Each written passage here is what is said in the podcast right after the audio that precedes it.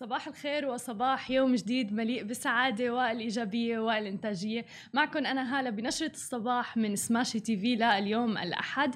واليوم بنشرة الصباح رح نحكي عن العديد من الأخبار منها عن إعادة فتح المطارات في العراق والأردن بالإضافة إلى ذلك عن الوضع الاقتصادي في لبنان وعنا أخبار أيضا عن التكنولوجيا وميزة جديدة من فيسبوك لا تنافس فيها تطبيق تيك توك. وفي الحديث عن آخر مستجدات وتطورات فيروس كورونا في الوطن العربي نبدأ مع خبر إعادة فتح المطارات في الأردن والعراق. حيث قالت اللجنة العليا للصحة والسلامة الوطنية في العراق إن السلطات ستعيد فتح المطارات أمام الرحلات الدولية المنتظمة في 23 يوليو تموز. بعد تعليق الرحلات التجارية في مارس آذار بسبب تفشي فيروس كورونا المستجد. وذكرت أيضا اللجنة في بيان لها أنه رح يتم رفع حظر التجول الليلي المفروض أيضا في أنحاء البلاد في العراق بعد عيد الأضحى. وإعادة أيضا فتح المطاعم والمراكز التجارية ما دامت طبعا عم بتطبق الإجراءات الصحية والوقائية والإجراءات التباعد الاجتماعي. أما عن الأردن فسيتم استئناف الرحلات التجارية جزئيا في شهر أغسطس آب المقبل لعدد محدود من الدول الأوروبية والآسيوية أيضا ورح تكون بناء على قائمة معتمدة دوليا للوجهات الآمنة حيث أن الرحلات التجارية العادية من مطار الملكة عليا الدولي والمتوقفة كانت من مارس تقريبا أذار يمكن أن تبدأ في الأسبوع الأول أو الثاني من أغسطس آب. وسيتم السماح للركاب القادمين من الدول الآمنة بدخول الأردن ومنها أيضا النمسا، سويسرا، ألمانيا، إيطاليا، اليونان وأيضا هونغ كونغ. وأنه قد يتم أيضا إضافة دول أخرى لهذه القائمة بداء على تطورات جائحة فيروس كورونا. أما عن دول الخليج اللي بيعمل ويعيش فيها عشرات الآلاف من الأردنيين فللأسف حتى الآن ليست على القائمة ولكن ذلك لصحة الناس بسبب أنه في بعض دول الخليج مرتفع فيها عدد حالات الإصابة بفيروس كورونا فحتى يطمنوا لحتى تقل عدد حالات الإصابة رح يتم إضافة هذه الدول إلى القائمة اللي ممكن الدخول فيها إلى الأردن. أما انتقالا إلى لبنان فتداعيات الوضع الاقتصادي وفيروس كورونا أدت إلى تسريح حوالي 800 موظف من الجامعة الأمريكية في بيروت. ونفذ عدد من موظفي مستشفى الجامعة الأمريكي في العاصمة اللبنانية بيروت احتجاجا على قرار صرفهم وتسريحهم واللي طال مئات من الممرضات والممرضين والموظفين الإداريين أيضا.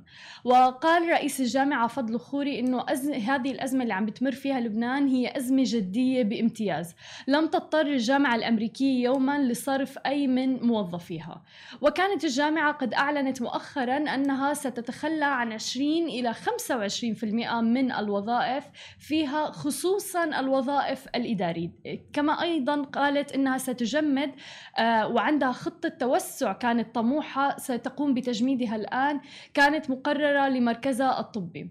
وفي مايو الماضي أفاد تقرير أيضا لوكالة الأنباء رويترز أن الجامعة عم تتوقع خسائر حقيقية بقيمة 30 مليون دولار هذا العام.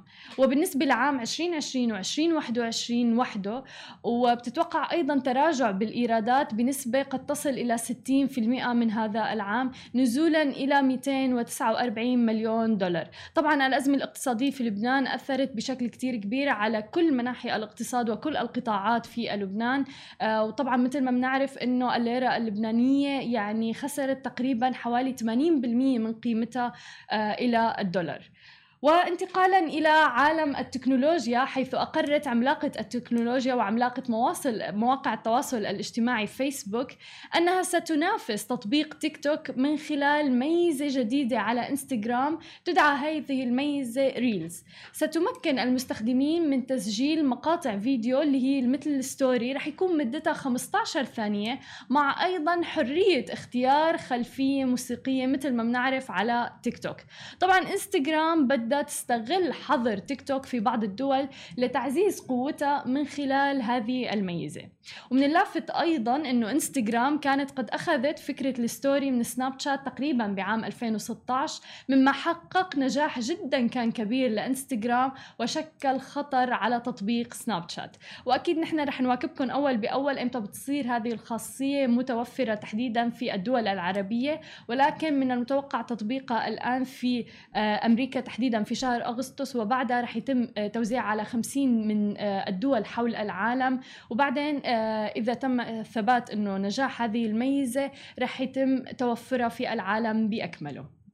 وفي الختام مع قضية رجل الأعمال اللبناني إيلي تكتوك طليق عارضة الأزياء دانييلا سمعان وآخر مستجدات القضية أن المحكمة حكمت آه، تحديدا بالسجن عليه لمدة سبعة أشهر على رجل الأعمال اللبناني إيلي تكتوك لمخالفته الأوامر القضائية المتعلقة بطلاقه من دانييلا سمعان. اللي ارتبطت لاحقا بالنجم الإسباني سيسك فابريغاس وهذا على خلفية اتهام اتهامه بتجاهل أوامر المحكمة أثناء مجريات معاملة الطلاق. وكان وريث شركة العقارات متزوج بعارضة الأزياء اللبنانية الأصل دانييلا سمعان على مدى 13 عام ولديه منها ولدان وبنت. وقبل أن تتركه وتتزوج بفابريغاس نجم برشلونة وتشيلسي سابقا وموناكو الفرنسي حاليا والذي يصغرها ب 12 عام ورزق منها بطفلتين أيضا. وكشفت المحكمة عن محاولة إلي تكتوك لعرقلة التحقيقات بشأن ممتلكاته ورفضه الكشف الكشف عن حسابه المصرفي أيضا. ناهيكم عن كسر حظر المحكمة عليه لعدم شراء آه، تذاكر الطيران أيضا. ولكن لم تفرض أي غرامة مالية على إيلي تكتوك لأنه ليس لديه أي ممتلكات شخصية بعد ما خسر منزل العائلة السابق له في لندن اللي كان قيمته حوالي 5.5 مليون استرليني. طبعا هذا كان لزوجته السابقة ضمن تسوية الطلاق عقب فشله في منع بيع الفيلا في محكمة الاستئناف. في المقابل تسبب الحكم بالسجن ببعض الأذى النفسي لأولاد دانييلا سمعان من تكتوك وكشف مصدر مقرب من العائلة أيضا اللي استقرت مؤخرا في شمال فرنسا عن مشاعر متناقضة في المنزل حيال الحكم في محكمة تشيلسي.